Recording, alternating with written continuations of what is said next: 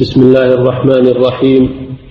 الحمد لله رب العالمين وصلى الله وسلم على نبينا محمد.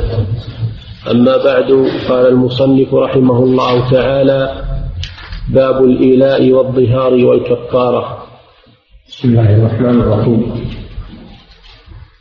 الحمد لله رب العالمين صلى الله وسلم على نبينا محمد.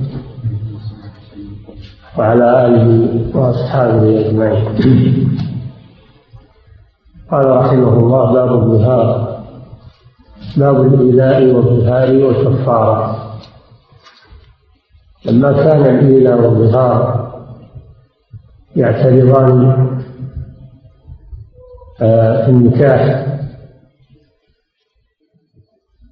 ويحصلان من الزوج أحيانا ناسب ذكرهما في كتاب النكاح. والإيلاء مأخوذ من آل يولي إيلاء فهو مصدر. مصدر آل يولي إيلاء بمعنى حلف والألية هي اليمين. قال الشاعر قليل الألايا حافظ ليمينه. إذا صدرت منه الألية برت والألية اليمين هذا من حيث اللغة. أما تعريف الإيلة في الشرع فهو أن يحلف زوج بالله أو صفة من صفاته على فرق وطء زوجته. مدة تزيد على أربعة أشهر. هذا هو الإيلاء في الشرع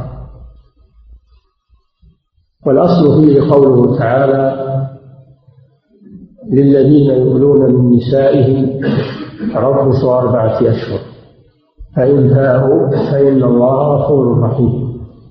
وإن عزموا الطلاق فإن الله سميع عليم. وكذلك ما جاء في السنة كما في هذا الباب من الأحاديث. وأما الظهار فهو أيضا يمين إلا أنه يختلف عن الإيلة الظهار معناه معقول من الظهر. وهو أن يشبه الزوج زوجته بظهر أمه أو من تحرم عليه من محارمه. يريد بذلك تحريم وطئها عليه فيشبهها بأمه فيقول أنت علي كظهر أمي. أو أختي أو من تحرم عليه. يريد بذلك الامتناع من جماعها.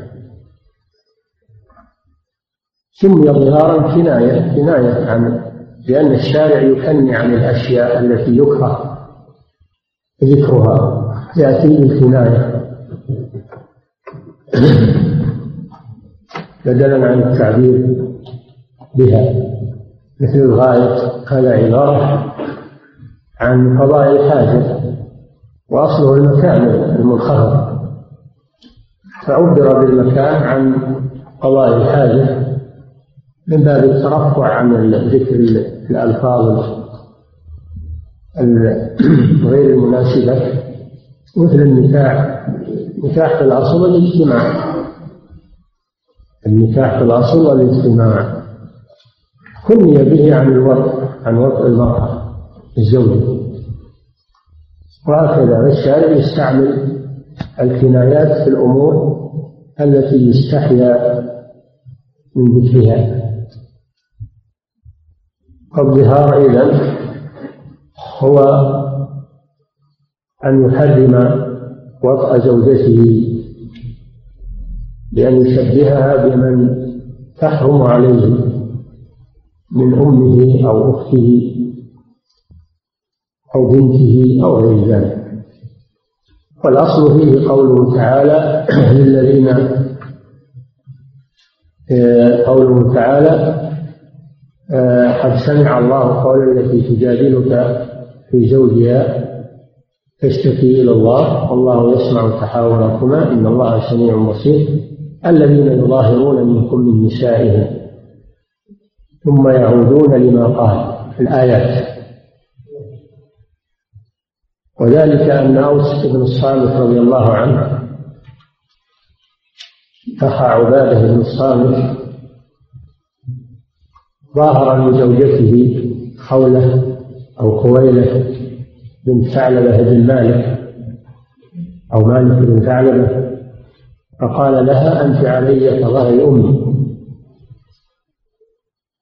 وكان الظهار في الجاهلية طلاقا وفي أول الإسلام كان طلاقا.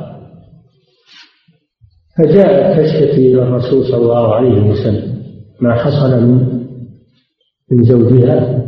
قال الرسول صلى الله عليه وسلم ما أراك إلا قد حرمت عليه فجعلت تشتكي تشتكي إلى الله. وتراجع الرسول صلى الله عليه وسلم. فسمع الله شكواها وأنزل فيها قرآنا وحول الظهار من كونه طلاقا إلى كونه يمينا مكفرة وفرج الله بذلك عن هذه المرأة المسكينة وصارت سبب خير لهذه الأمة. رضي الله عنها. هذا هو الظهار هو أن يشبه زوجته بمن تحرم عليه. يريد بذلك تحريم وقتها. هذا هو الظهار.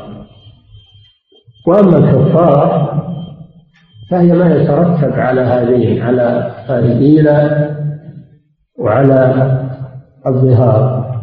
ما يترتب عليهما وما يحلهما. ما يحلهما سميت كفارة لأن من الكفر سميت كفارة من الكفر وهو التغطية.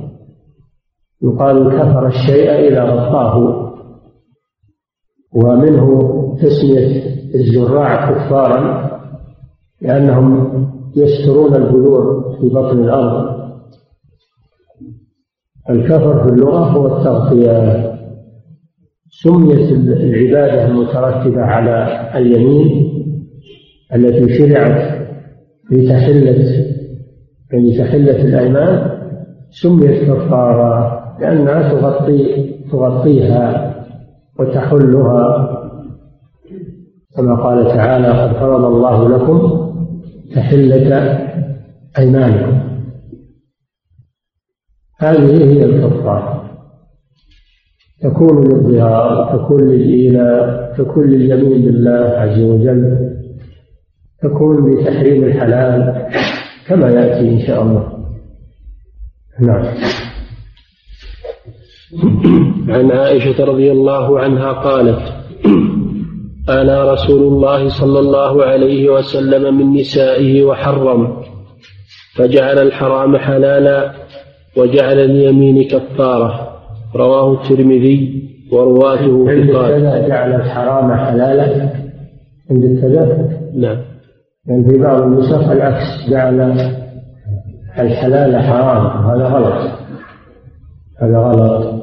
الصواب هو ما قرأ فجعل الحرام حلالا. نعم.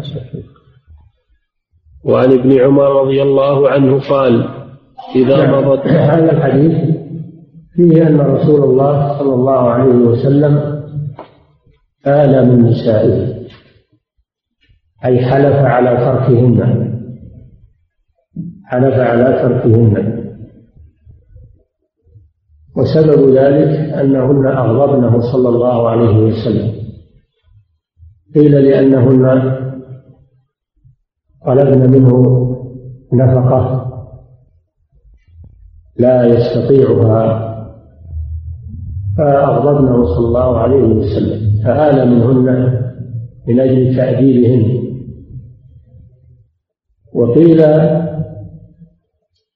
إن السبب في ذلك أنه صلى الله عليه وسلم أسر إلى حفصة بسر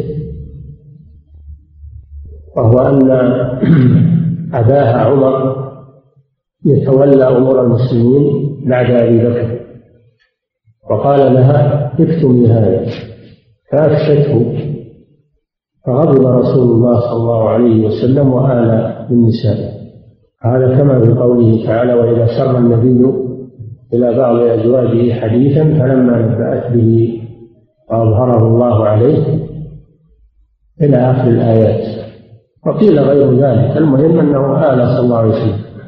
أي حلف على ترك أزواجهن أزواجه قيل حلف على ترك وطئهن وقيل حلف ألا يدخل عليهن واعتزل.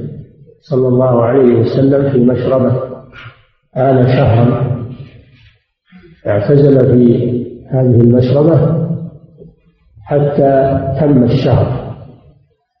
فدخل عليهن صلى الله عليه وسلم. لما انتهى وقت الإيلاء.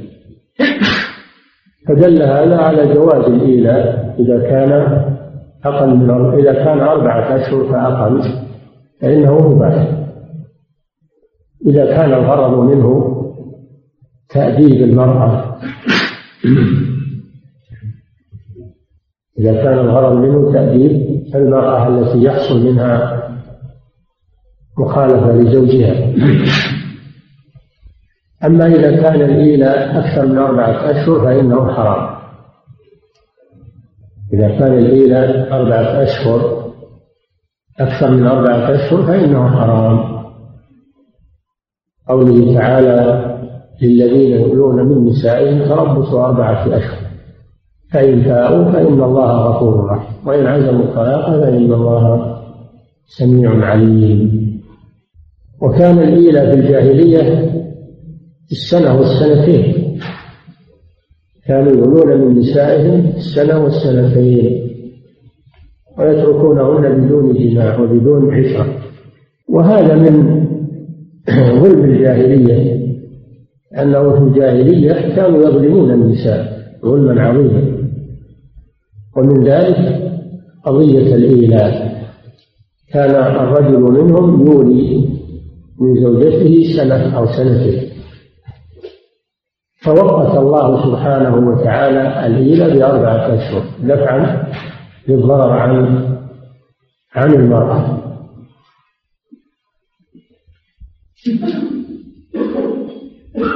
وقوله وحرم. آل من نسائه عرفنا. حرم؟ ماذا حرم؟ قيل حرم آه قيل حرم سريته ماريا القبطية حرم حرمها على نفسه. وقد أباح الله له وللأمة تسري بالإمم فحرم صلى الله عليه وسلم على نفسه ماريا القبطية وقيل إنه حرم العسل. حرم على نفسه العسل بسبب إغضاب زوجاته له عند ماريا وغيرتهن منها فحرم صلى الله عليه وسلم على نفسه ماريا وحرم أو حرم العسل لأنه كان يشرب عندها العسل فعاتبنه أنه يذهب إليها. الله جل وعلا قال له يا أيها النبي لم تحرم ما أحل الله لك؟ تبتغي مرضاة أزواجك والله غفور رحيم. قد فرض الله لكم تحلة أيمانكم. هذا معنى حرم حرم صلى الله عليه وسلم.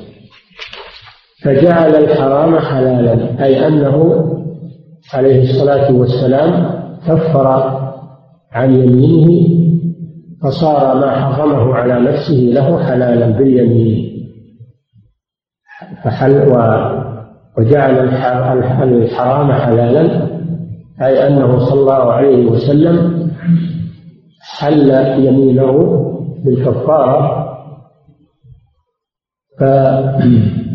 فصار ما حرمه على نفسه حلالا بالكفارة.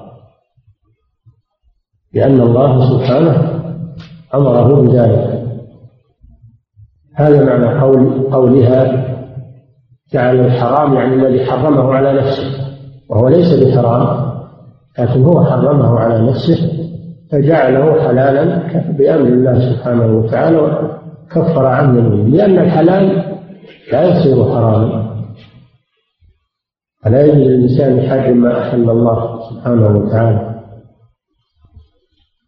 فإذا حرم الحلال فإنه يكون يمينا مكفرا يكفرها بكفارة اليمين.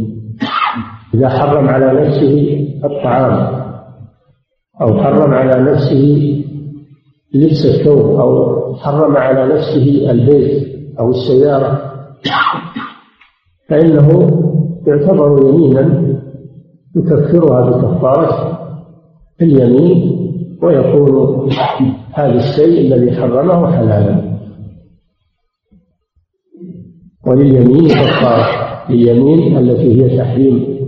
التي هي تحريم الحلال كفارة. أما الإيلاء فليس له كفارة لأنه آلى شهرا عليه الصلاة والسلام.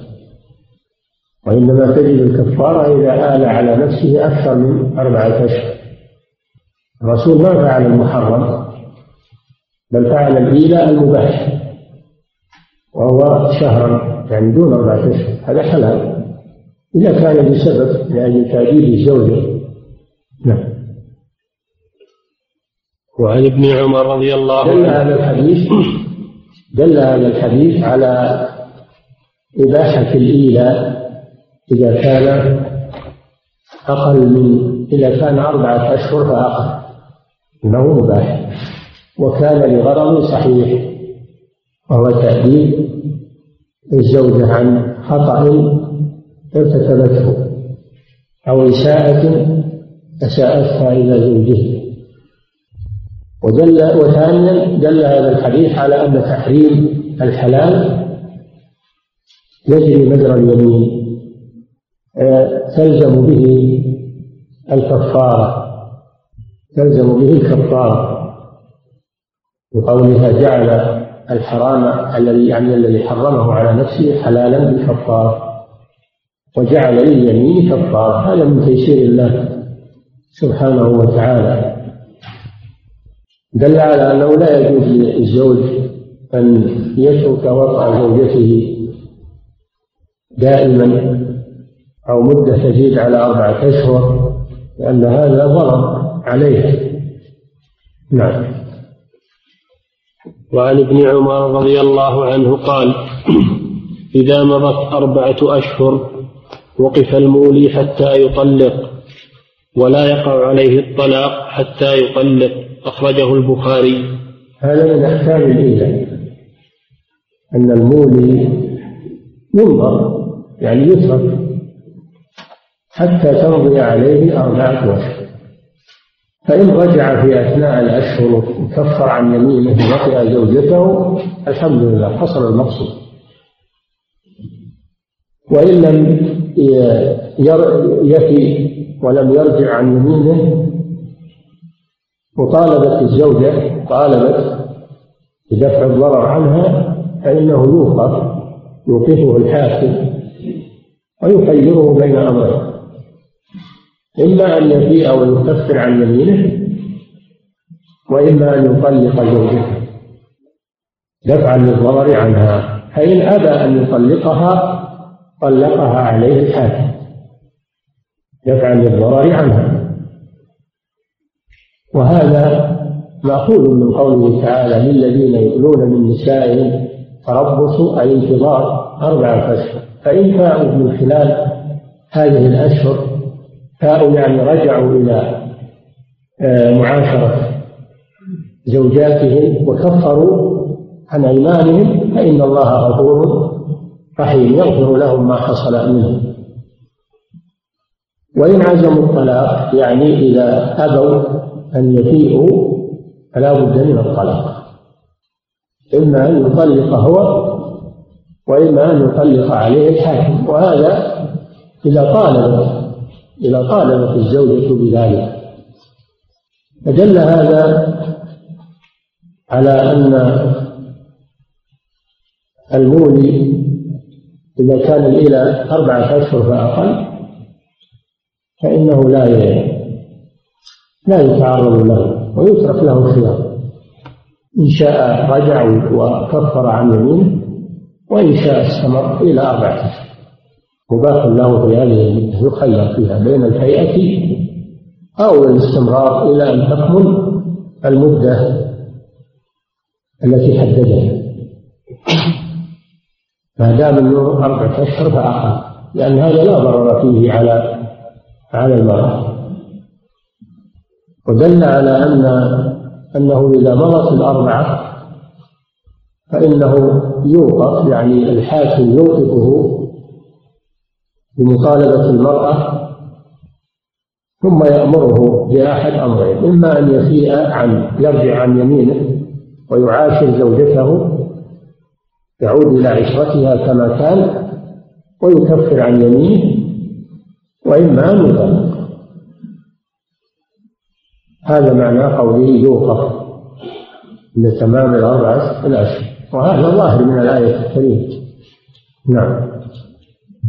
وعن سليمان بن يسار رضي الله عنه قال أدركت بضعة عشر رجلا من أصحاب رسول الله صلى الله عليه وسلم كلهم يقفون المولي. رواه الشافعي. وهذا هذا أيضا مثل حديث ابن عباس لأن لأن المولي يوقف على رأس الأربعة عشر على أربعة الأشهر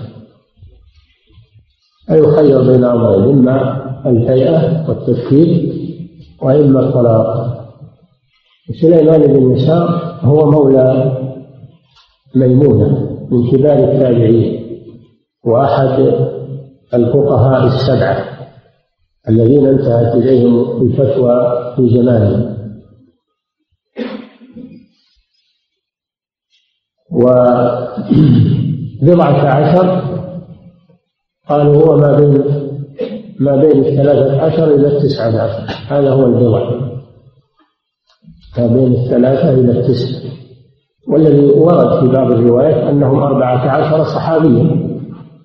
فهذا يدل على أن هذا عمل هؤلاء الصحابة وأنه حكم شرعي وهذا تشير إليه الآية. فإن فاءوا فإن الله غفور رحيم وإن عزموا الطلاق فإن الله سميع عليم. سميع بأقوالهم عليم بأفعالهم سبحانه وتعالى. واختلف العلماء هل إذا مضت الأربعة الأشهر تطلق المرأة تلقائيا ولا تحتاج إلى إلى طلاق؟ هذا قول أبي حنيفة رحمه الله. أنه بمضي المدة التي ضربها الله سبحانه وتعالى تطلق زوجته تلقائيا. لأن تركه لها هذه المدة هذا طلاق. ولأنه لم يذكر في الآية لم يذكر في الآية أنه يؤمر بالطلاق. فمجرد مضي المدة يقع به الطلاق. أما الجمهور من أهل العلم فإنهم يرون أنها لا تطلق تلقائيا بمضي أربعة الأشهر بل لا بد من تطليق الزوج له لأن الله قال وإن عزموا الطلاق فإن الله سميع. السمع لا يكون إلا بشيء يتكلم به وينطق به. فدل على أنه لا بد أن لا بد أن يطلق لأنها في عصمته ولا تخرج من عصمته إلا بطلاق. نعم. وعن ابن عباس قال كان إيلاء الجاهلية السنة والسنتين فوقت الله أربعة أشهر فإن كان أقل من فإن كان أقل من أربعة أشهر فليس بإيلاء. أخرجه البيهقي. نعم هذا يبين ما سبق أن أنه الإيلاء كان في الجاهلية والمراد في الجاهلية ما كان قبل بعثة الرسول صلى الله عليه وسلم. ما كان قبل بعثة الرسول صلى الله عليه وسلم فهو الجاهلية. لأن لأن هذه الفترة ليس فيها علم. سميت الجاهلية من الجهل وهو عدم العلم. لأن مضى فترة على آخر الرسل وهو عيسى عليه السلام لم ينزل وحي. اندرست اندرست الشرائع ولم يبقى شيء إلا أشياء يسيرة فصار فصار الناس في جاهلية جهل فبعث الله محمدا صلى الله عليه وسلم فأزال الله به الجاهلية.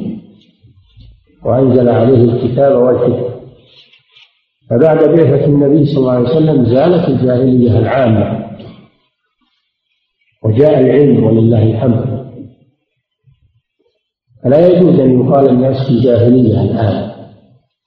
لا يجوز إطلاق الجاهلية بعد بعثة الرسول صلى الله عليه وسلم فيقال الناس في جاهلية أو جاهلية القرن العشرين. هذا هذا لا يجوز. يعني يعمم كل القرن العشرين كله جاهلية وكل أهله جاهلية لكن هذا ما يدري ولا يعرف الأحكام الشرعية. وهذا لا يجوز. إطلاق الجاهلية بعد بعثة الرسول صلى الله عليه وسلم. لكن قد يكون في بعض الناس جاهلية في بعض الأفراد أو بعض القبائل أو بعض البلدان. قد تبقى شيء من أمور الجاهلية. أما التعميم ويقال الناس كلهم صاروا في جاهلية هذا لا يجوز. ما كلهم يصيرون في جاهلية. وإلا قد يبقى شيء من الجاهلية. قوله صلى الله عليه وسلم لبعض الصحابة إنك امرؤ فيك جاهلية. ويقول أربع في أمتي من أمور الجاهلية. لا يتركونه الطعن في الفخر بالأنساب والطعن في الأحساب والاستسقاء بالنجوم والنياحة على الميت. هذه خصال من خصال الجاهلية تبقى في بعض الناس. أما أن كل الناس يكونون في جاهلية هذا لا. هذا انتهى ببعثة الرسول صلى الله عليه وسلم. لا بد أن يكون منهم من المسلمين عالم كبير في علم وليسوا في جاهلية. كان الإله في الجاهلية السنة والسنتين. هذا من أمور الجاهلية. فجاء الإسلام فعدل هذا وجعل الإله وقته بأربعة أشهر. لأن هذا أقصى ما تتحمله المرأة. فأزال الله ما كان من أمر الجاهلية وظلمها للمرأة ووقت ذلك بأربعة أشهر لأن هذا لا يضر بالمرأة هكذا الإسلام دين العدل ودين الرحمة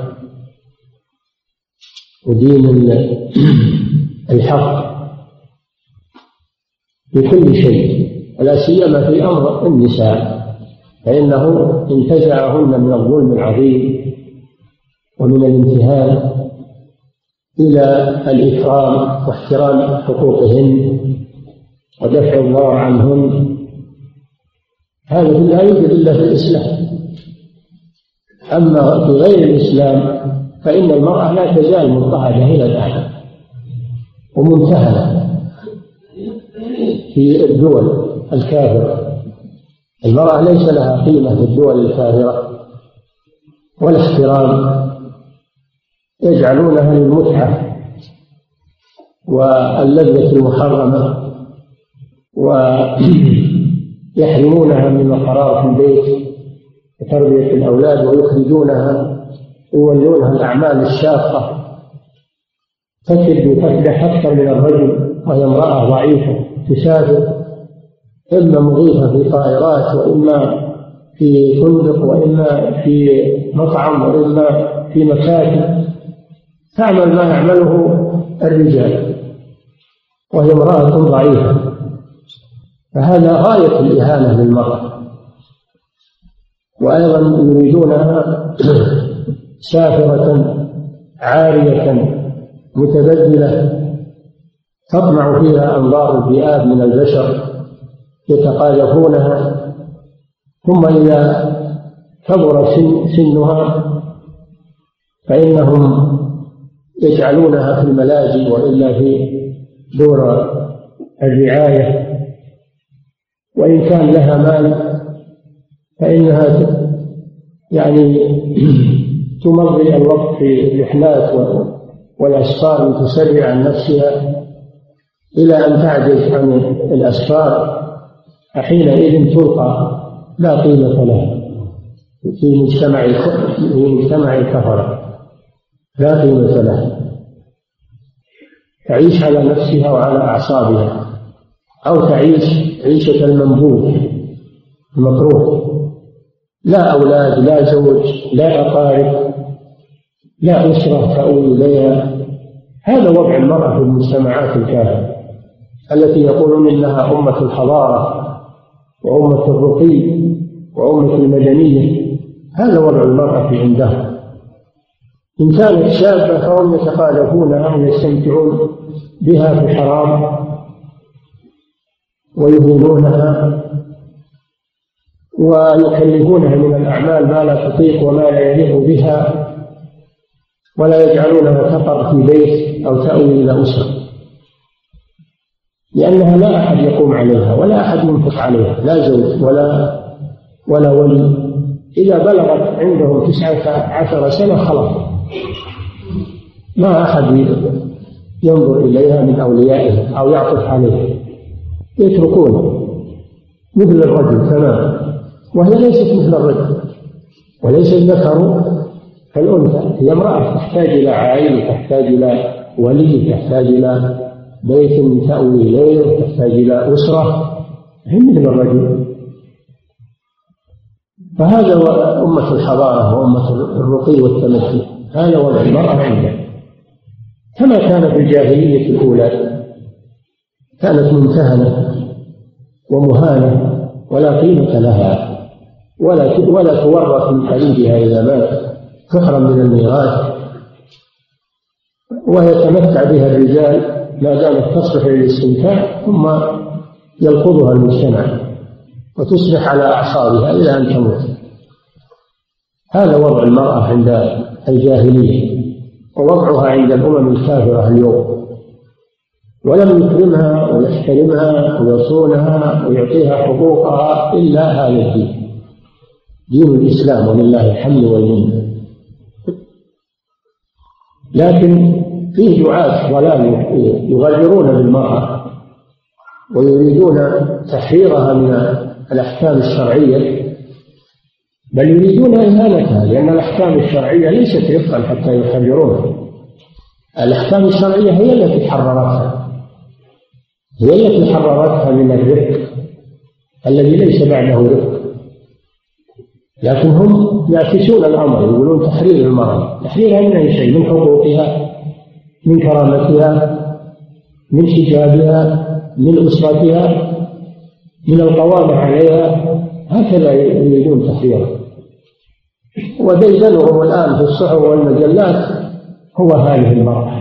مركزين عليها ومن الأسف في صحفنا ومجلاتنا لأن من بيننا دعاة دعاة ضلال. تربوا في الغرب وتشربوا أفكار الغرب وجندهم الغرب. الغرب جندهم لهذا. جندهم لهذا. وصار يدفعهم ويغريهم بالطمع وبالمناصب حتى تبنوا هذه الفكرة الخبيثة. وجعلوا المرأة سلاحا يطعنون به المسلمين الآن. نعم.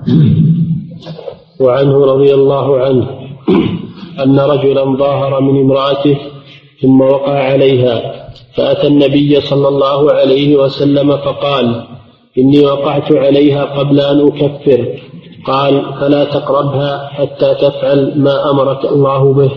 رواه الأربعة وصححه الترمذي ورجح النسائي إرساله. وهذا فيما سبق معنى الظهار وهذا رجل ظهر من امرأته في عهد النبي صلى الله عليه وسلم. والذي يظاهر من امرأته الله جل وعلا يقول والذين يظاهرون منكم من نسائهم ثم يعودون لما قالوا فتحرير رقبة من قبل أن يتماسى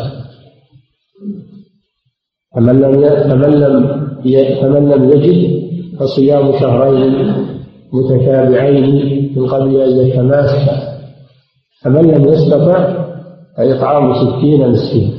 فإذا ظهر من امرأته حرم عليه وقوى حتى يكفر.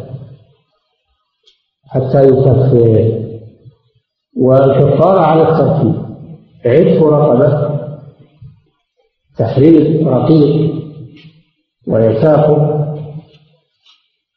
فإن لم يجد رقبة إما لأنه ما وجد رقبة ما وجد عبيد. أو وجد العبيد لكن ما وجد قيمة يشتري بها ما وجد قيمة يشتري بها رقبة فإنه ينتقل إلى الصيام. صيام شهرين متتابعين. ستين يوما متتابعين. كل ذلك قبل أن يتماسى يعني لا يجوز له أنه يقرأها أو يقربها ويستمتع بها حتى يكفل بالعتق أو بصيام الشهر. فإن لم يستطع الصيام عجز عنه عجزا حقيقيا وليس كسلا فإنه ينتقل ويطعم ستين مسكين. لكل مسكين نصف صاع. نصف صاع. يعني يأكل ثلاثين صاع يقسمها على ستين مسكين لكل مسكين نصف صاع. ثم بعد ذلك يعود إلى زوجته. هذا الرجل تعجل فوطئ زوجته قبل أن يكفر. فنهاه النبي صلى الله عليه وسلم عن ذلك وقال له لا تقربها حتى تفعل ما أمرك الله. فدل على تحريم إتيان المظاهر لزوجته قبل أن يقدم الكفارة وأن إتيانها مرهون بأداء الكفارة التي أوجبها الله بخصالها الثلاث مرتبة. ولم يأمره صلى الله عليه وسلم بكفارة ثانية عن خطئه بل أمره بالكفارة التي أوجبها الله وهي كفارة الظهار. فدل على أنه لو وقع عليها قبل أن يكفر أنه أخطأ وفعل محرما ولكن لا يجب عليه إلا الاستغفار والتوبة والكفارة الأصيلة باقية باقية في ذمته. فلا يعود لجماعها مرة ثانية بعد الغلط الذي حصل منه لا يعود. وقوله صلى الله عليه وسلم لا تقربها يقال انه ما دام إنه إنه جاه وطئها لا مانع انه يتابع ويكفر. يقول لا لا يتابع الجماع يقف ويكفر. لا تقربها حتى تفعل ما أمرك الله وما حصل منه هذا خطأ يتوب منه ويستغفر وليس عليه كفارة ثانية. هذا ما دل عليه هذا الحديث الشريف. نعم. وعن سلمة بن صخر رضي الله عنه قال دخل رمضان فخفت أن أصيب امرأتي فظاهرت منها فانكشف لي شيء منها ليلة فوقعت عليها فقال لي رسول الله صلى الله عليه وسلم حرر رقبة فقلت ما أملك إلا رقبتي قال فصم شهرين متتابعين قلت وهل أصبت الذي أصبت إلا من الصيام؟ قال أطعم فرقا من تمر ستين مسكينا. أخرجه الأحمد والأربعة إلا النسائي وصححه ابن خزيمة وابن الجارود نعم وهذا أيضا صخر. سلم بن صخر البياضي من بني زريق من الأنصار رضي الله عنه. وكان رجلا فيه شبر يعني فيه شهوة شديدة فلا يصبر عن امرأته. فأقبل عليه رمضان. فخشي أنه ما يصبر في رمضان. ماذا عمل؟ ظاهر منها. ظاهر منها مدة رمضان. لأجل أن يمتنع منه. لكنه لم يصبر عليه. نظر منها إلى شيء من جسمها فوقع عليها. وقع عليها. مثل ما حصل من أصحابه الذي قبله. فجاء إلى النبي صلى الله عليه وسلم. يستفتيه. هذا فيه أن المرجع في الفتوى إلى العلماء. إذا وقعت مشكلة من أمور الدين فيرجع فيها إلى أهل العلم. ما يرجع فيها إلى الجهال أو إلى المتخرصين أو إلى عادات الناس أو إلى المتسمين بالعلم وهم ليس عندهم فقه. أمور الفقه قليلة في الناس. كثير القراء القراء كثيرون والذين يطالعون الكتب كثيرون والذين يدعون العلم كثيرون لكن ما يحل المشكلات إذا وقعت إلا أهل العلم. وأهل الفقه في دين الله عز وجل. أما هؤلاء فيوقعون المستفتي في خطأ قد يكون أفظع من خطأه الأول. وكم وقع من أمثال هذا؟ فعلى من وقعت له مشكلة في أمور دينه أن يرجع إلى أهل العلم وأهل الفقه في دين الله عز وجل. من أجل أن يجد عندهم الحل الصحيح الموافق لكتاب الله. سنة رسوله صلى الله عليه وسلم. هذا الرجل رجع إلى الرسول صلى الله عليه وسلم. أخبره بذلك. وفيه أيضا أن الإنسان لا يمنعه الحياة. إذا وقع في أمر يستحيا من ذكره لا يمنعه الحياة. من أن يسأل عن دينه. هذا الصحابي لم يمنعه الحياة. بل ذكر النبي صلى الله عليه وسلم حالته وما وقع منه. أن هذا أمر لا بد منه ما في حياة. الدين ما في حياة. الحياة من الأمور؟ المذمومة. أما أمور الدين فهذه تمام خير. يجوز أن الإنسان يتركها من باب الحياة. فأخبر النبي صلى الله عليه وسلم بما وقع منه. فقال له النبي صلى الله عليه وسلم أمره الله بما أمره بما أمر الله به. أمره النبي صلى الله عليه وسلم بما أمر الله به وهي كفارة الظهار. عشت رقبة؟ قال الرجل ما عندي ما أملك إلا رقبتي. ما عندي شيء. فهذا ينطبق عليه كمن لم قال له النبي صلى الله عليه وسلم صم شهرين متتابعين. قال وهل أوقعني فيما وقعت فيه الا إلا الصيام. يعني ما أستطيع أصبر عن زوجتي لأنه يعني فيه شبق فيه نوع من المرض. عايش.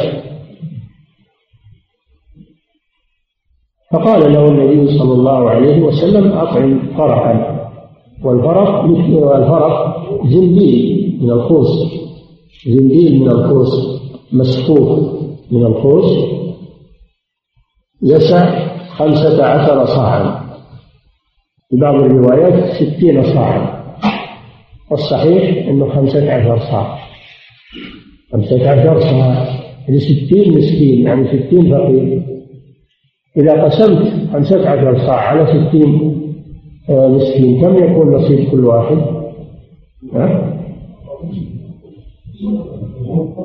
نعم؟ ربع الصاع يعني؟ ها؟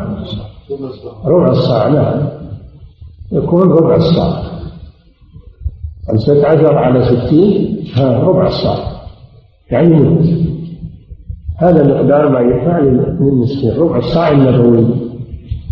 لأن هذا يشبع المسكين. ربع الصاع يشبع المسكين. عرفنا أنه أنه زنبيل مصنوع من الخوص يجعل فيه التمر. فيه خمسة عشر صاعا من التمر على الصحيح. يوزعها على ستين مسكين.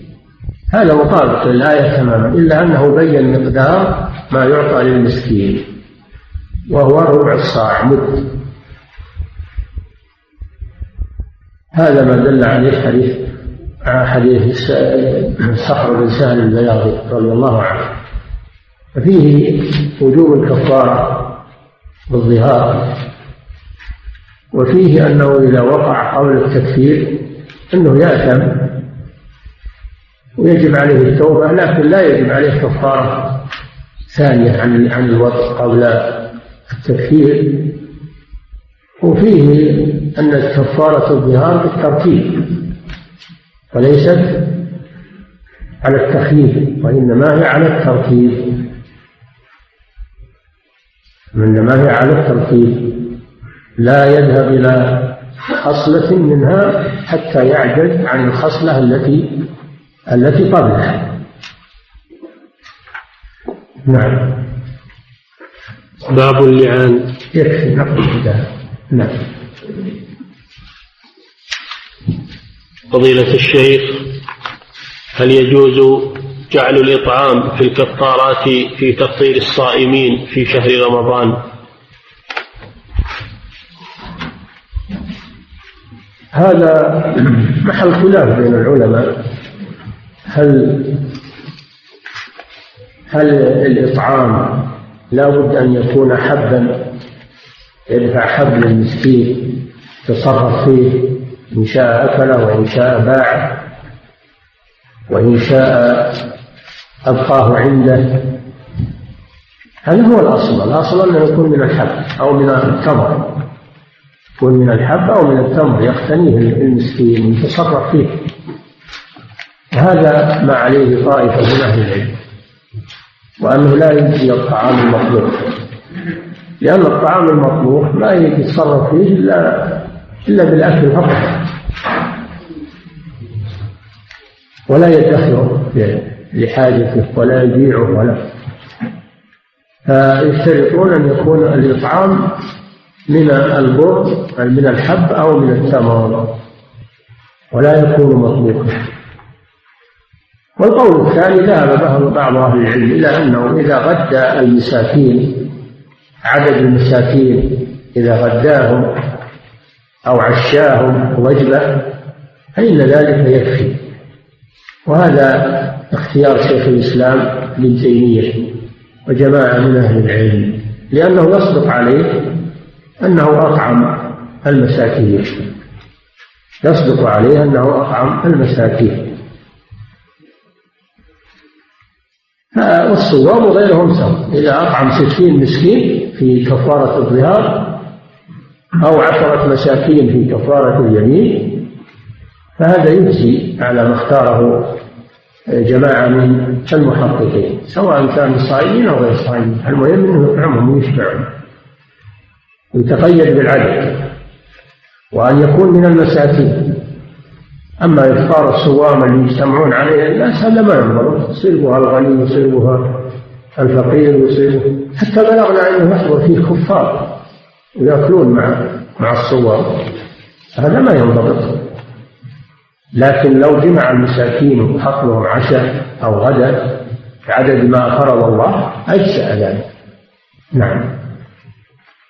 أما الجماعة اللي ما ينضبطون ولا يتقيد عددهم هذا ما ما تبرى به الجمعة نعم. فضيلة الشيخ في حديث ابن عباس رضي الله عنه فإن كان أقل من أربعة أشهر فليس بإيلاء. ما معنى هذه العبارة؟ يعني ليس بإيلاء يجب فيه يجب فيه الإيقاف. هو إيلاء ولو كان آل الرسول. حديث آل الرسول شهرا. يسمى إيلاء الشهر إيلاء. لكن قصده ليس بإيلاء أي ليس بالإيلاء الذي يترتب عليه الحكم وهو الإيقاف وتخييره بين أمرين. هذا قصد نعم فضيلة الشيخ إذا لم يستطع كفارة الظهار من صيام وعتق وإطعام فهل تسقط كما في كفارة الوطء في نهاء رمضان؟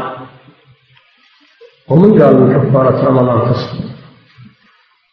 فهذا اختلف فيه العلماء إذا لم يقدر على الخصال الثلاث فبعض العلماء يقول تبقى في ذمته تبقى دينا في ذمته. متى قدر؟ فإنه ينفذه وبعض العلماء يقول إنها تسقط بدليل أن الرسول صلى الله عليه وسلم لما جاءه الذي جامع في نهار رمضان وكل ما قال له قال لا أستطيع لا أستطيع. حتى قال له حتى أتي بعرق فيه آه، خمسة عشر صاعا من التمر. قال خذ هذا تصدق قال وهل على أفقر منا ما بين لابتيها أهل بيت أفقر منا قال خذه فأطعمه أهله. فبعض العلماء يقول إن هذا كفارة. إن هذا كفارة. إطعامه لأهله كفارة. الفقير يجوز أنه إذا أطعم عنه غيره إذا أطعم عنه غيره أن يأكل الكفارة لأن الذي أطعم عنه الرسول صلى الله عليه وسلم. فقول أطعمه أهلك على أنه كفارة والبعض الآخر يقول تسقط كما في متن الزاد فإن لم يجد سقطت. لأن الرسول صلى الله عليه وسلم لم يأمره بعد ذلك بأداء الكفارة بل سكت عليه الصلاة والسلام. نعم. فضيلة الشيخ هل الإيلاء يحتاج إلى التلفظ به من الزوج بتحديد المدة أم لا؟ يحتاج إلى التلفظ يعني قصده يتلفظ بالإيلاء أو قصده يتلفظ بالمدة. لا بد من التلفظ بالإيلاء اليمين ما تنعقد إلا بالتلفظ. أما لو نوى بقلبه هذا لا يترتب عليه شيء. لو طلق بقلبه لو حلف بقلبه هذا لا يترتب عليه شيء حتى يتلفظ أما إن كان قصده إذا لم يذكر مدة إذا آل من زوجته ولم يذكر مدة. فهذا يضرب له أربعة أشهر. يضرب له مدة أربعة أشهر. إن رجع في خلالها وإلا عند تمام أربعة أشهر يوقف نعم. مثل لو حدد مدة. نعم. فضيلة الشيخ إذا آل زوج زوجته شهر فهل عليه كفارة بعد تمام بعد تمام الشهر؟ كفارة يمين نعم عليه كفارة يمين كفارة لأنه حال ما يقعها فإذا رجع وفاء ورجع إليها وله حال في يوم واحد. عليه كفارة اليمين لأنه إذا حلف لا يفعل شيئا ثم فعله تجب عليه كفارة اليمين. هو عليه كفارة اليمين على كل حال. نعم. فضيلة الشيخ ما الحكم في من كان له زوجتان فآلى من إحداهن بعدم المبيت أربعة أشهر؟ يختص الحكم بمن آل منها. يختص الحكم بمن آل منها. إذا عينها وقال فلانة. وأما التي لم يولي منها فليس عليها إلا نعم. فضيلة الشيخ ما الحكم من انتقل إلى الإطعام مع قدرته على العتق والصيام؟ هل يكون بذلك كفر عن الظهار؟ ما الحكم؟ من انتقل إلى إلى الإطعام نعم. مع قدرته على العتق والصيام؟ لا يجزي هذا لا يجزي. لو انتقل إلى الإطعام ترك ما قبله وهو يقدر عليه فإنه لا يجزي بل لو انتقل إلى لو انتقل إلى الصيام صيام شهرين متتابعين ترك العتق ويقدر عليه ما أجزاه الصيام. لا بد من الترتيب الذي رتبه الله سبحانه وتعالى. هذا معنى الترتيب. نعم. فضيلة الشيخ في قصة سلمة بن صخر رضي الله عنه أنه ظاهر مدة رمضان وهذا أقل من أربعة أشهر فكيف يكون عليه كفارة؟ هذه كفارة إظهار هي كفارة إيلاء هذا ظاهر. ما قريت الحديث؟ ظاهر من الإيلاء انتهى انتهى بالأحاديث الذي قبل هذا. الآن دخلنا في الظهار. هذه كفارة صيام هي كفارة إيلاء نعم. فضيلة الشيخ ما وجه تسمية الرجعة فيئا وما الفرق بين الفيء والظلال؟ لا يا أخي ما هو هذا الفيء بمعنى الظلال؟ هذا الفيء بمعنى الرجوع. فاء رجع. فاء إلى الشيء رجع إليه. ومنه الفيء في بيت المال الذي يؤخذ من أموال الكفار سمي فيئا لأنه رجع إلى المسلمين. لأن الأصل في الأموال أنها للمسلمين. وليس للكفار فيها نصيب. ولكن إذا أخذها المسلمون بالجهاد والغنيمة فإنها تعود إليهم فسميت فيئة فاءت فاءت إليهم يعني رجعت إلى أصلها. فالفيء في اللغة هو الرجوع. أما الفيء الذي هو الظل هذا شيء آخر. هذا شيء آخر. وحتى فيه المعنى. قالوا آه، الظل سمي فيئا لأنه رجوع. لأنه تقلص في الأول سبب ارتفاع الشمس تقلص يتقلص ثم آه، يعني كان من جهة كان الظل من جهة المغرب كان الظل من جهة المغرب في أول الصباح. كان الظل في أول الصباح من جهة المغرب جهة الغرب. ثم يتقلص بارتفاع الشمس شيئا فشيئا حتى ينحسر تماما ولا يبقى ثم إذا إذا بدا من الشرق سمي فيان لأنه رجع بعد تقلصه وبعد انقطاعه. عاد بعد ذهاب. ففيه معنى الرجوع أيضا. نعم. فضيلة الشيخ هل لا بد في التكفير من نية المكفر عنه أم لا يشترط؟ لا بد العبادات لا بد فيها من النية.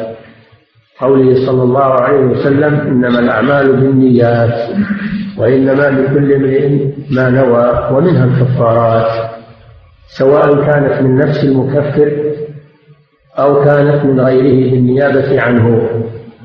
فلا بد أن ينوي الدافع للكفارة لا بد أن ينوي أنها كفارة.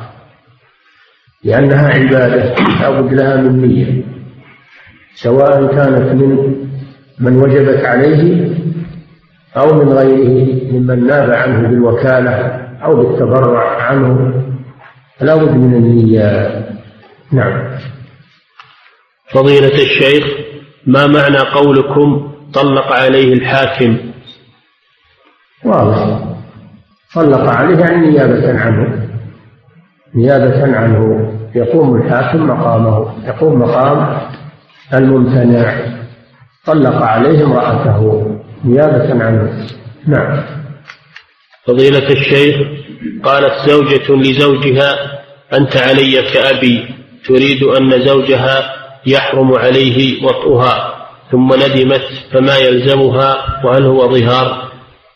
هذا في خلاف بين العلماء منهم من يرى أنه ظهار. وعليها كفاره الظهار ومنهم من يرى أن عليها كفارة يمين إطعام عشرة مساكين أو كسوتهم أو تحرير رقبة فإن لم تجد فإنها تصوم ثلاثة أيام ومنهم من يرى أنه لا شيء لأن الظهار خاص بالرجال. لا شيء على المرأة. ثلاث أقوال. والصحيح الأوسط أن عليها كفارة يمين لأنها حرمت زوجها حرمت زوجها وتحريم الحلال فيه كفارة يمين هذا هو القول الوسط. نعم. فضيلة الشيخ في كفارة القتل الخطأ هل الصيام يكون متتابع أم أنه يجوز أن يفطر يوما ويصوم يوما؟ هذا بنص الله يا أخي. قال تعالى ومن قتل مؤمنا خطأ فتحرير رقبة مؤمنة. ودية مسلمة إلى أهله إلا أن يصدقوا. إلى قوله تعالى فمن لم يجد فصيام شهرين متتابعين. متتابعين. لا بد من التتابع. فإن قطع التتابع من غير عذر شرعي فإنه يستأنف الصيام من جديد. أما إذا قطعه لعذر شرعي كالمرأة أصابها الحيض أو الولادة النفاس أو دخل عليه شهر رمضان أو أيام العيد فإنه يفطر. يفطر للعذر الشرعي. فإذا انتهى العذر الشرعي يواصل الصيام ويبني على ما مضى. ما يستأنف يبني على ما مضى. لأن هذا إما فطر واجب وإما صيام واجب. فلا ينقطع التتابع بإفطار واجب كالعيدين والحيض والنفاس ولا بصوم واجب كشهر رمضان. نعم. فضيلة الشيخ هل الخروج في طلب الرزق لمدة عام أو عامين يعتبر من الإيلاء؟ لا الإيلاء حلف وما حلف. لكن إذا ألجأته الفقر والحاجة إلى أن يسافر لطلب الرزق وكان غيابه عنها بسبب طلب الرزق فهو معذور. فهو معذور في هذا. لا حرج عليه أنه في طلب الرزق له ولها ولأولاده. يكون معذورا وإن تيسر له خصوصا في زماننا هذا في سهولة المواصلات تيسر له أنه يأتي إليها ولو قليلا في السنة فإنه يجب عليه ذلك وإن لم يتيسر له لصعوبة المواصلات وحاجته إلى الكسب فإنه معذور في هذا نعم. فضيلة الشيخ في يوم من أيام رمضان كانت زوجتي مسافرة مع أهلها لزيارة أخيها. كانت في يوم في يوم؟ من أيام رمضان كانت زوجتي مسافرة مع أهلها لزيارة أخيها وقد لحقت بها بعد فترة في نفس الشهر ثم وضعتها وقلت لها نحن على سفر هل علي شيء؟ وقد قمنا بقضاء ذلك اليوم. إذا كنتم في سفر فلا مانع المسافر يباح له الفطر ويباح له الجماع. لأنه مسافر. فإذا كنتم ما انقطعت عنكم أحكام السفر ما أقمتم إقامة تمنع أحكام السفر قامتكم يسيرة وسفركم مسافة حصر والبلد ما هو بلدكم فلا مانع من ذلك. نعم. فضيلة الشيخ إذا وطئ المظاهر أثناء الكفارة وهي الصيام فصام ثلاثين يوما ثم وطئ هل يعيد الصيام من أول الشهرين أو يكمل؟ نعم إذا؟ إذا وطئ المظاهر أثناء الكفارة وهي الصيام ثلاثين يوما ثم وطئ هل يعيد الصيام من أول الشهرين أو يكمل؟ لا يعيد الصيام من أول الشهرين.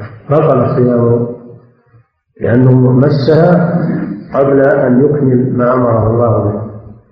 فيعيد فيبدأ الكفارة من جديد لأن هذا يقطع الكتابة قوله تعالى من قبل أن يتماس. هذا الشرط. فإذا خالف ذلك ووطئ قبل الإكمال فإنه يستأنف الصيام من جديد. نعم. فضيلة الشيخ تزوجت قبل رمضان بأسبوعين وفي رمضان ولقوله صلى الله عليه وسلم لا تقربها. هذا في المستقبل. لا تقربها حتى تفعل ما أمرك الله به. هذا يدل على أنه لازم من فعل الشهرين جميعا. قوله تعالى فصيام شهرين من قبل أن يتماسا ولم يقل حتى تفعل بقية ما أمرك الله به بل قال حتى تفعل ما أمرك الله به. هذا يعم الشهرين. نعم. فضيلة الشيخ تزوجت قبل رمضان بأسبوعين نعم. وفي رمضان ولعدم صبري عن الجماع وقعت على زوجتي في النهار ولكن دون إنزال ظنا مني أنه لا يبطل الصوم إلا بالإنزال. حيث كنت أجهل الحكم فماذا علي؟ نعم إذا كنت أولجت فيها فإنه يجب عليك الكفارة ولو لم يحصل الإنزال لأن الجماع والوضع معناه الإيلاج. إذا أولجت في فرجها وجب عليك كما يجب عليك الغسل ويجب عليك المهر ويجب عليك الأحكام يقولون إنه يترتب على الإيلاج 400 حكم الدول ومنها الكفارة. يجب عليك. لأن هذا جماع ووطن فعليك أن تقضي اليوم مع التوبة إلى الله وعليك كفارة كفارة الوضع في رمضان. وهي عتق رقبة. فإن لم تجد فصيام شهرين متتابعين. فإن لم تجد فإن لم تستطع فإنك تصوم فإنك تطعم ستين مسكينا. نعم. فضيلة الشيخ يوجد في الوقت الحاضر أناس يقومون بأخذ مبلغ عشرة آلاف ريال ويعتقون رقبة خارج المملكة وهم موثوقون. فما رأيكم بهذا الأمر؟ وهل يكتفى به في الكفارة؟ تقول إنهم موثوقون إذا كانوا صحيح موثوقين. فلا بأس. اما إذا كان ما تدري عنهم الحيل اليوم كثيرة والمحتالون كثيرون والرق الغالب ما هو موجود لكن عاد إذا كانوا موثوقين تثق منهم 100% إذا وثقت منهم هذا الشيء في ذمتك لن تدخل في هذا في ذمتك إذا وثقت منهم فلا مانع. أما إذا كان ما تدري ولا تثق منهم هذا لا يبرئ المسلم نعم. لأن الخير اليوم كثيرة والكذب كثير. ولا فيها الحقيقة ما فيها رفقة اليوم. نعم. فضيلة الشيخ قوله فإن كان أقل من أربعة أشهر فليس بإيلاء. هل يعني ذلك أنه ليس فيه كفارة؟ يا أخي كررت عليكم هذا. إذا كان أربعة أشهر فأقل فلا يوقف. هذه المدة يخلى له الخيار. إن شاء فاء وكفر. وإن شاء استمر إلى أن تكمل أربعة أشهر له ذلك. لكن إذا تمت أربعة أشهر فإنه يوقف. يعني إيلى بمعنى أنه يوقف. نعم. فضيلة الشيخ بعض النساء يحضرن الدرس وهن حيض عليهن العادة ويجلسن في آخر مصلى النساء داخل المسجد. هل هذا العمل جائز؟ هذا حرام. ما كان داخل أسوار المسجد داخل أسوار المسجد فإنه من المسجد. فلا يجوز للمرأة أنها تدخل ولو من داخل الباب. ما يجوز ذلك يكون خارج المسجد على باب المسجد أو في السيارة. أما أنها تدخل في المسجد هذا لا يجوز له. ونحن في الحقيقة أخطأنا في إن ما فتحنا السماعات الخارجية للنساء مثل الحيض آه، يجب أنه تفتح السماعات الخارجية في المستقبل إن شاء الله. لأجل مثل هؤلاء الحيض يصل إليهم الصوت. نعم. فضيلة الشيخ علي كفارة يمين وهناك أسرة فقيرة. نعم. علي كفارة يمين. نعم. وهناك أسرة فقيرة مكونة من عشرة أشخاص الأبوين وأولادهما. فهل يجزى أدفع إلى هذه الأسرة إطعام عشرة مساكين أو كسوتهم باعتبار أن كل فرد من هذه الأسرة مسكين؟ نعم. هذا شيء طيب. تدفع على أهل البيت عددهم عشرة بشرط أن يكونوا كلهم يأكلون الطعام. أما إن كان فيهم ربع هذا لا يجزي لابد أنه يكون يأكل الطعام ولو كان صغيرا. يصدق عليه طعام مسكين. نعم. فضيلة الشيخ متى تبدأ مدة المسح على الخفين؟ هل تبدأ من أول مسح عليهما أم تبدأ من أول حدث يحدثه الشخص؟ صحيح أنه يبدأ من أول مسح. صحيح من أقوال أهل العلم أن بداية المدة من أول مسح بعد الحدث. لقوله صلى الله عليه وسلم يمسح المقيم يوما وليلة والمسافر ثلاثة أيام بلياليها. فعلق ذلك بالمسح. فتبدأ المدة بأول مسح بعد الحدث الذي نقض وضوءه الذي لبس فيه الخفين نعم. فضيلة الشيخ يكثر تناقل تناقل كلمة دعاة تحرير المرأة على ألسنة بعض الدعاة في الخطب والمحاضرات وفي الصحف والمجلات بل إن بعض الكتب تحمل هذا العنوان فهل من توجيه كلمة وافية حول هذه العبارة؟ العبارة خطأ لا شك. هي الواقع لو يقال دعاة تخريب المرأة تخريب هو تحرير تخريب المرأة.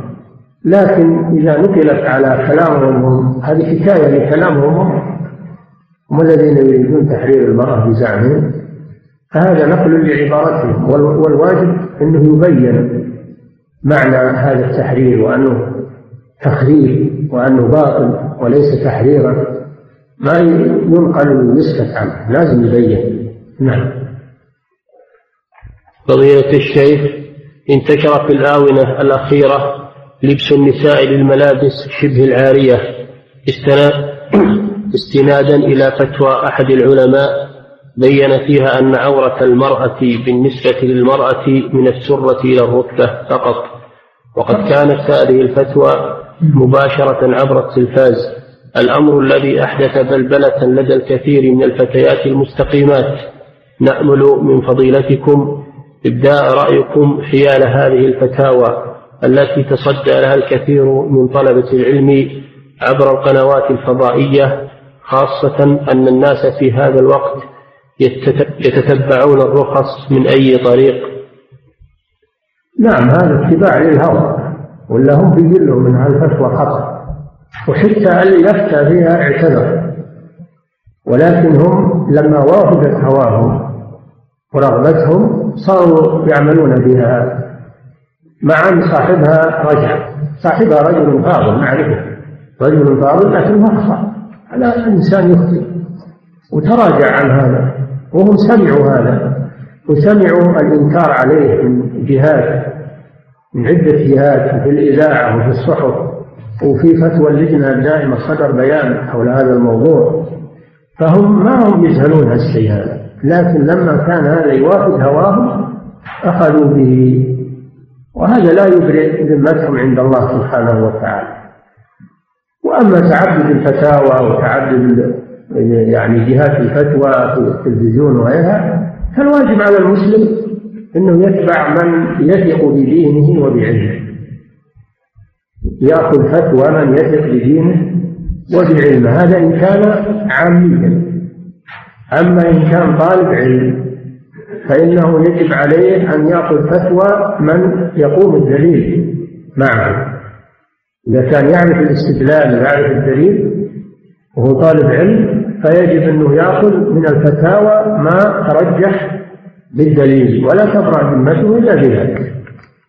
أما إن كان عاميا ولا يعرف الدليل فإنه يأخذ الفتوى ممن يثق بعلمه وبه وخصوصا خصوصا في هذه البلاد ولله الحمد. الفتوى لها جهة مخصصة. الفتوى لها جهة مخصصة. فيجب الرجوع إلى تلك الجهة أضمن وأضبط من الوقوع في مثل هذه الأخطاء. نعم. فضيلة الشيخ إذا عرفت شخصا أو أكثر أنهم يفطرون معنا في المسجد وهم كفار فهل أطردهم حينئذ؟ أم ذلك أم أن في ذلك تأليفا لقلوبهم؟ لا تطردهم هم جياع يريدون أنهم يأكلون لا تطردهم ولكن تدعونهم إلى الإسلام وترغبونهم في الإسلام لعلهم يسلمون. أما إطعام الجاهل فهذا مشروع ولو كان كافرا. إطعام الجاهل مشروع ولو كان كافرا. ودخول الكافر المسجد لا لا بأس به. دخلوا على الرسول صلى الله عليه وسلم. النصارى دخلوا على الرسول صلى الله عليه وسلم وهو في مسجده. دخولهم لحاجة دخول الكفار في المسجد لحاجة مباحة هذا سبيل إذا كان لحاجة والأكل تناول الطعام هذا للحاجة. ولكن الأولى إن الذين يقدمون الطعام يجعلون خارج المسجد. خروجا من الخلاف ومن الحرج يجعلونه خارج المسجد. لمن يأكل ولا يجعلونه في المسجد. وأيضا جعل الطعام في المسجد يحصل به ضرر على المسجد من التلويث ومن الأصوات والصخب يجعل للطعام مكان خارج المسجد إما خيمة ينصبونها وإما حوش يحطونه يفرعونه بجانب المسجد وإما بيت يدبرون أمورهم في هذا. ويعزلون الطعام عن المسجد. هذا أولى وأحسن. أما دخول الكافر المسجد من أجل حاجة مباحة فلا بأس إلا المسجد الحرام. المسجد الحرام لا يدخله الكافر.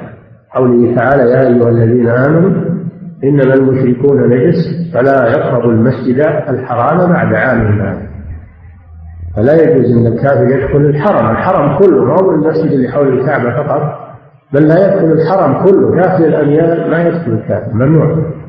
يعني كله يسمى بالمسجد الحرام. نعم. فضيلة الشيخ هل صيام الشهرين مثلا شهر محرم وشهر وشهر صفر أو لو بدأ من خمسة عشر محرم إلى خمسة عشر صفر إلى خمسة عشر ربيع الأول هل يصح ذلك؟ صيام الشهرين على قسمين إما بالأهلة وإما بالعدد ولا يكون بالأهلة إلا إذا رأى الهلال هو. إذا رأى الهلال وبدأ منه فإنه يصوم إلى أن يكمل الهلال الثاني هلال الشهر الثاني. أما إذا كان ما يرى الهلال هو فإنه يصوم بالعدد ستين يوما.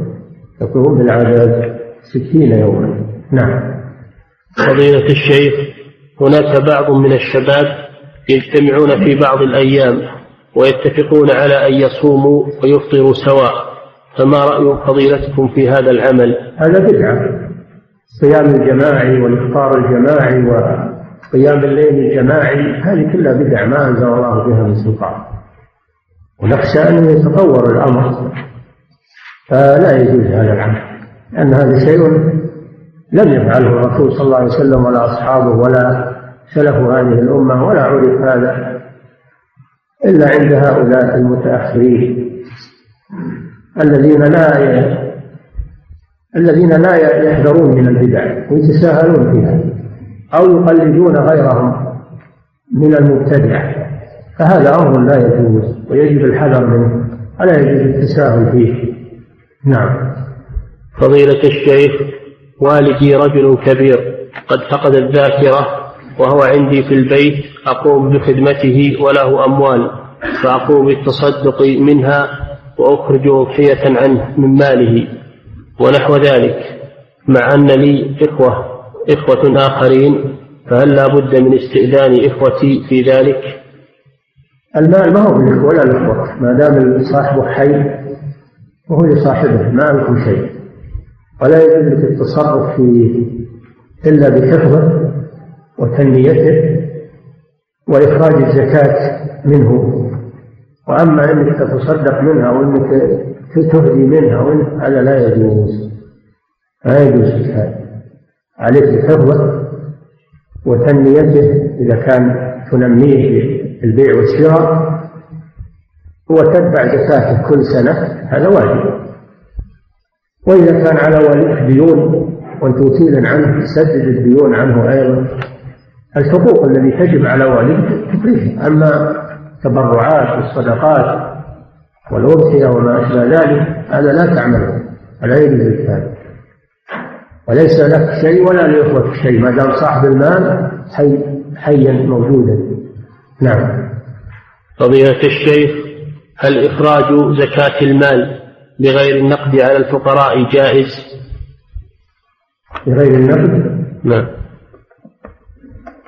زكاة المال من المال. الغنم من يخرج منها غنم والإبل منها إبل والبقر منها بقر. ويجوز إخراج القيمة يجوز إخراج القيمة عن المواشي القيمة العادلة التي ليست رخيصة وليست غالية متوسطة. يجوز إخراج القيمة عن المواشي. ويفرض زكاة الدراهم دراهم من الدراهم. وزكاة التمر تمر وزكاة البر بر. ويجوز إخراج القيمة عن زكاة البر وزكاة التمر. يجوز إخراج القيمة. أما العكس وهو أنك تخرج بدل الدراهم عروض يعني سلع فهذا أجازه بعض العلماء إذا كان أنفع للفقير. إذا كان هذا أنفع للفقير فلا بأس أنك تخرج عروض يعني سلع تشتريها بالزكاة وتدفعها له. إذا كان هذا أنفع للفقير نعم. فضيلة الشيخ هل الكفاءة بين الزوجين المذكورة في كتب الفقه؟ في كتب الفقه تشمل ما يشيع بين بعض العامة اليوم من قولهم هذا خضيري وهذا قبيلي.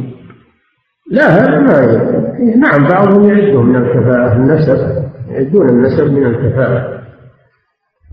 ولكن الإباحة يباح شرعا لكن ما يلزم إذا تزوج خضيري يعني يسمونه غير قبيلي بقبلية أو العكس قبلي تزوج بغير قبلية فهذا الزواج صحيح وجائز شرعا ولكن يكون الخيار لمن؟ آه، لا يرغب هذا يكون له الخيار إزالة للضرر عنه كما سبق لكم. إنه نكاح جائز لكن يكون الخيار لمن لم يرضى به. نعم. فضيلة الشيخ أيتام لهم مواد غذائية تأتيهم من أهل الخير فهل إذا خشوا إذا خشوا عليها من التلف التبرع بها؟ نعم. أيتام لهم مواد غذائية تأتيهم من أهل الخير فهل إذا خشوا عليها التلف التبرع بها؟ إذا كانوا مستحقين لأخذها فإنهم يملكونها ويتصرفون فيها. إذا ملكوها يتصرفون فيها.